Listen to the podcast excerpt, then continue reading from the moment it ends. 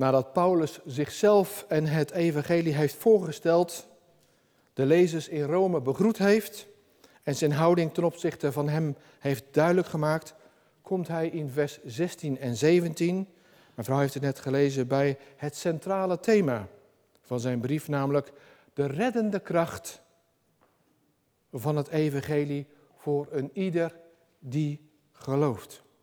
Eigenlijk is de rest van de brief een verdere uitwerking van dit thema.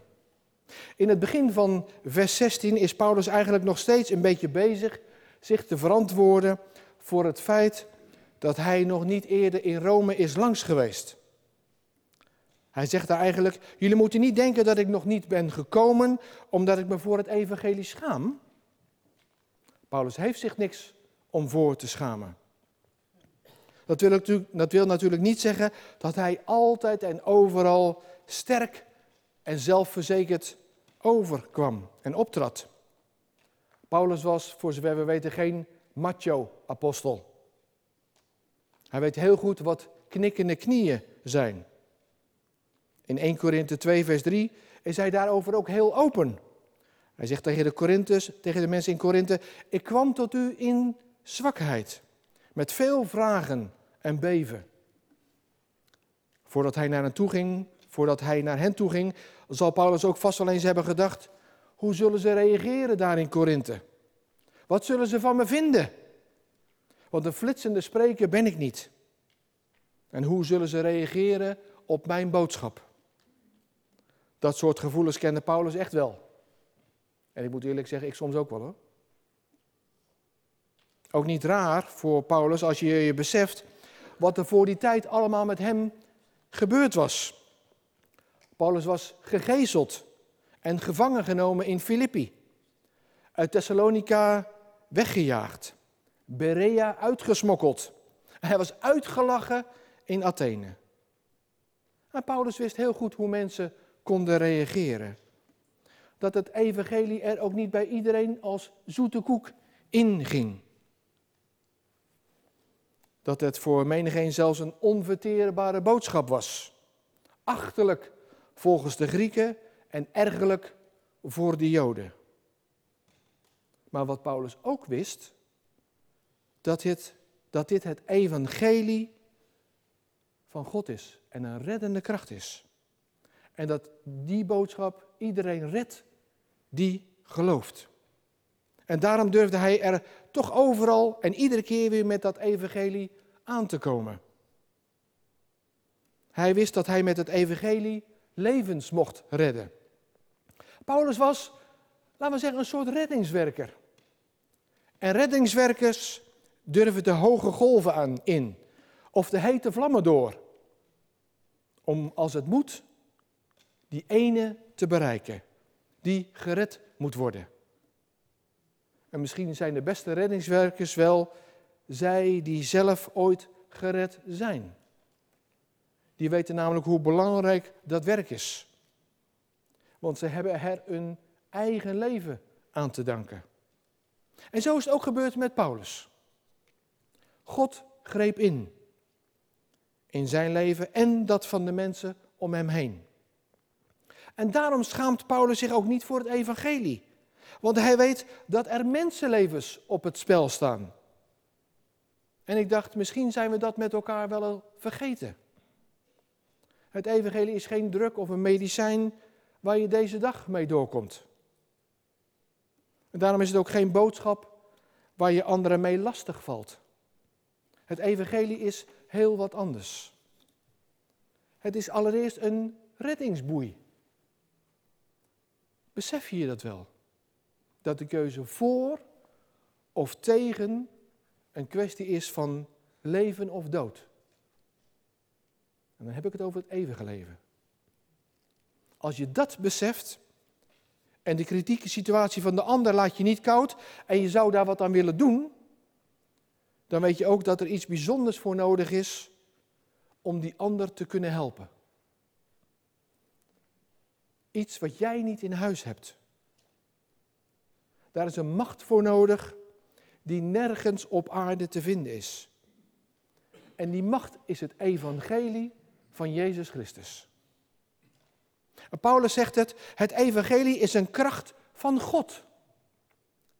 Dunamis theou staat er in het Grieks. Het evangelie is dynamiet. Gods dynamiet. En onze God beschikt over krachten die wij niet kunnen peilen. En zijn kracht verrast ons.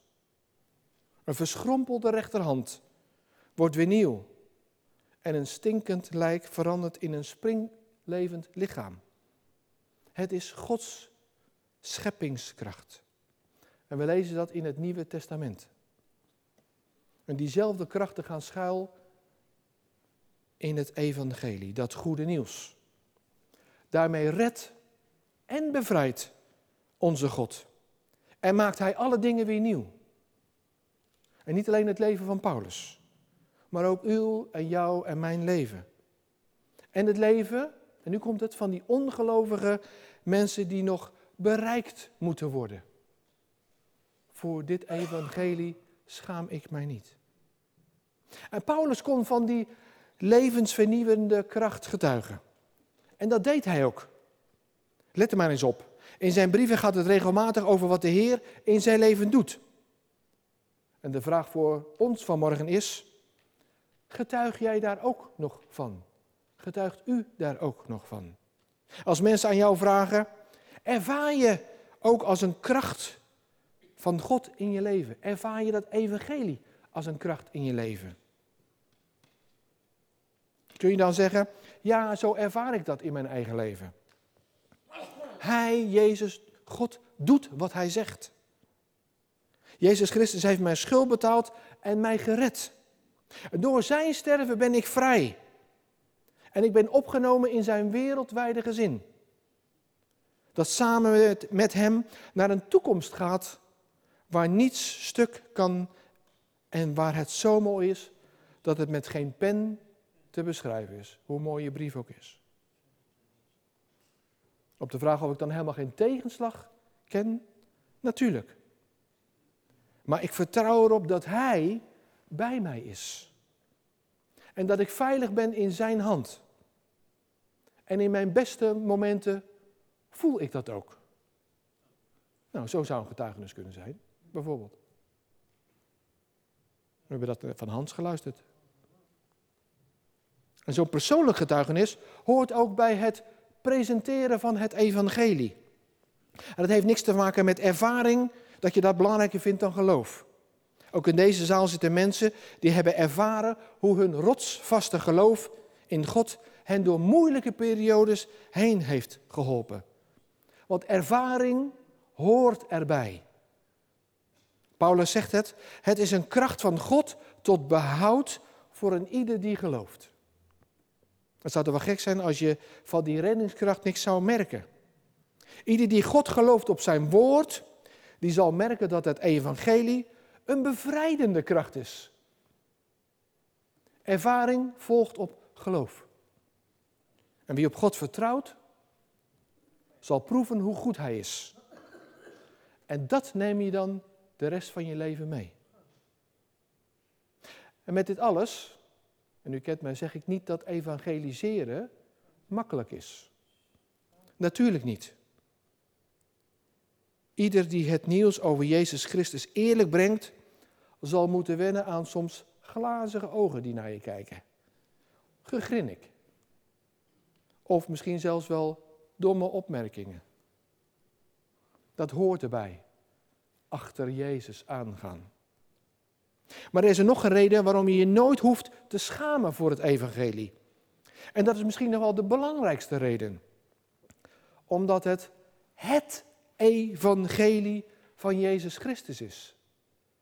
Het evangelie, dat goede nieuws. En dat evangelie gaat over Hem. En vanwege Hem, juist, is het goed nieuws. Jezus Christus, de meest gave mens die ooit op aarde heeft rondgelopen.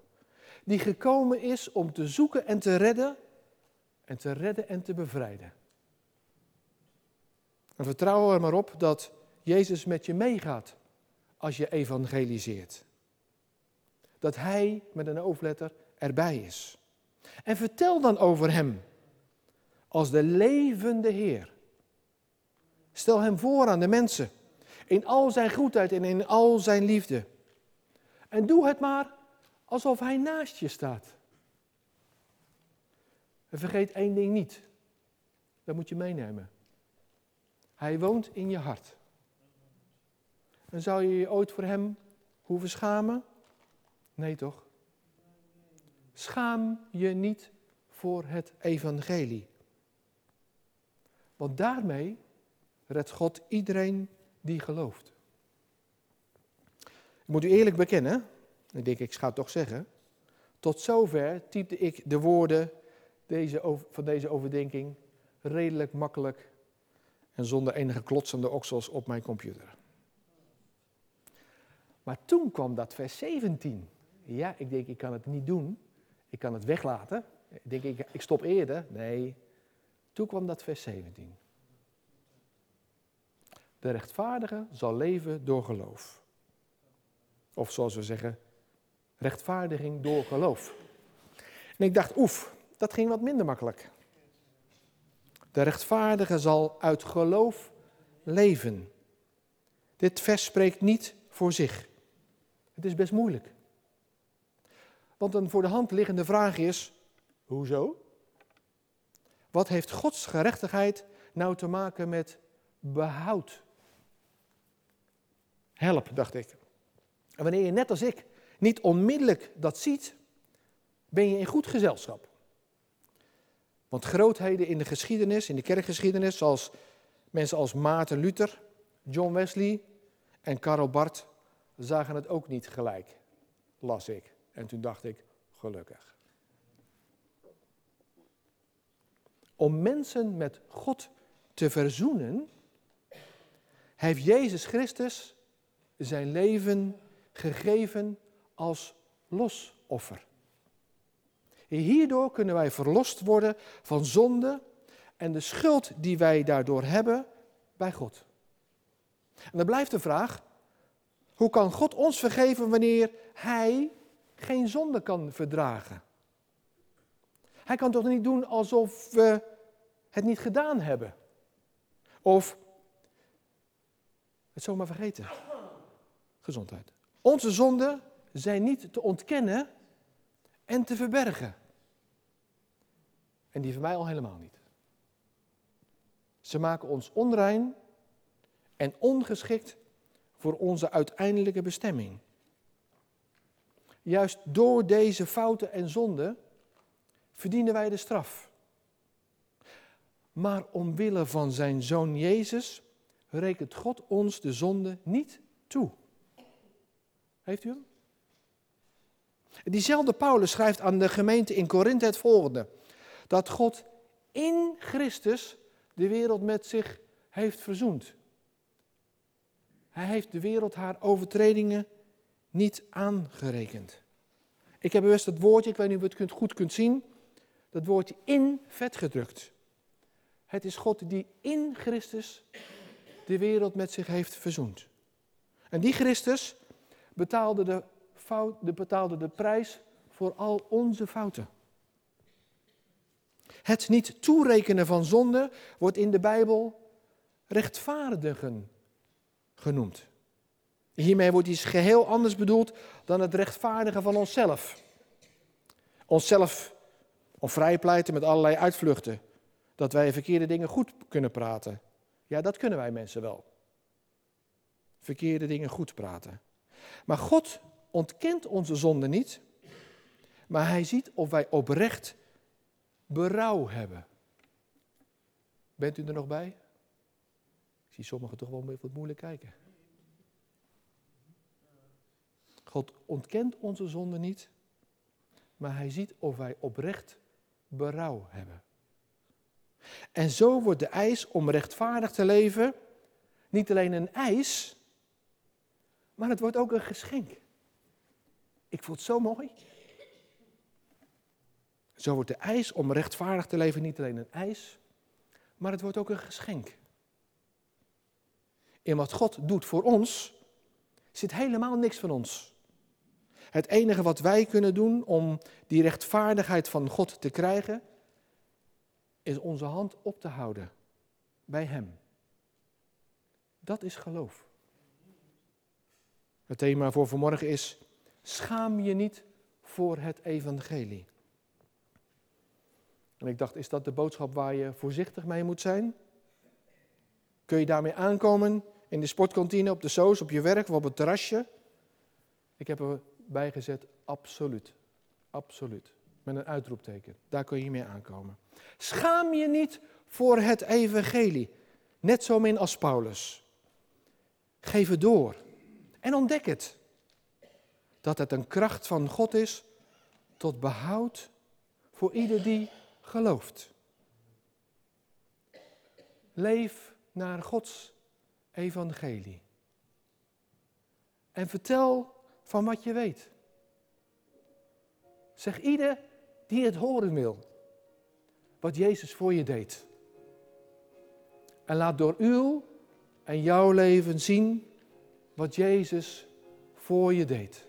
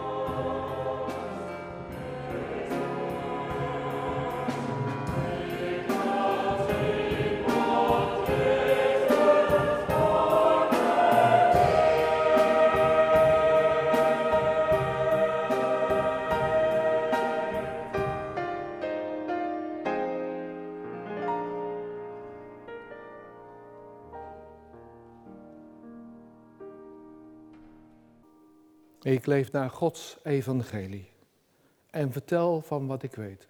Ik zeg ieder die het horen wil, wat Jezus voor mij deed. Amen.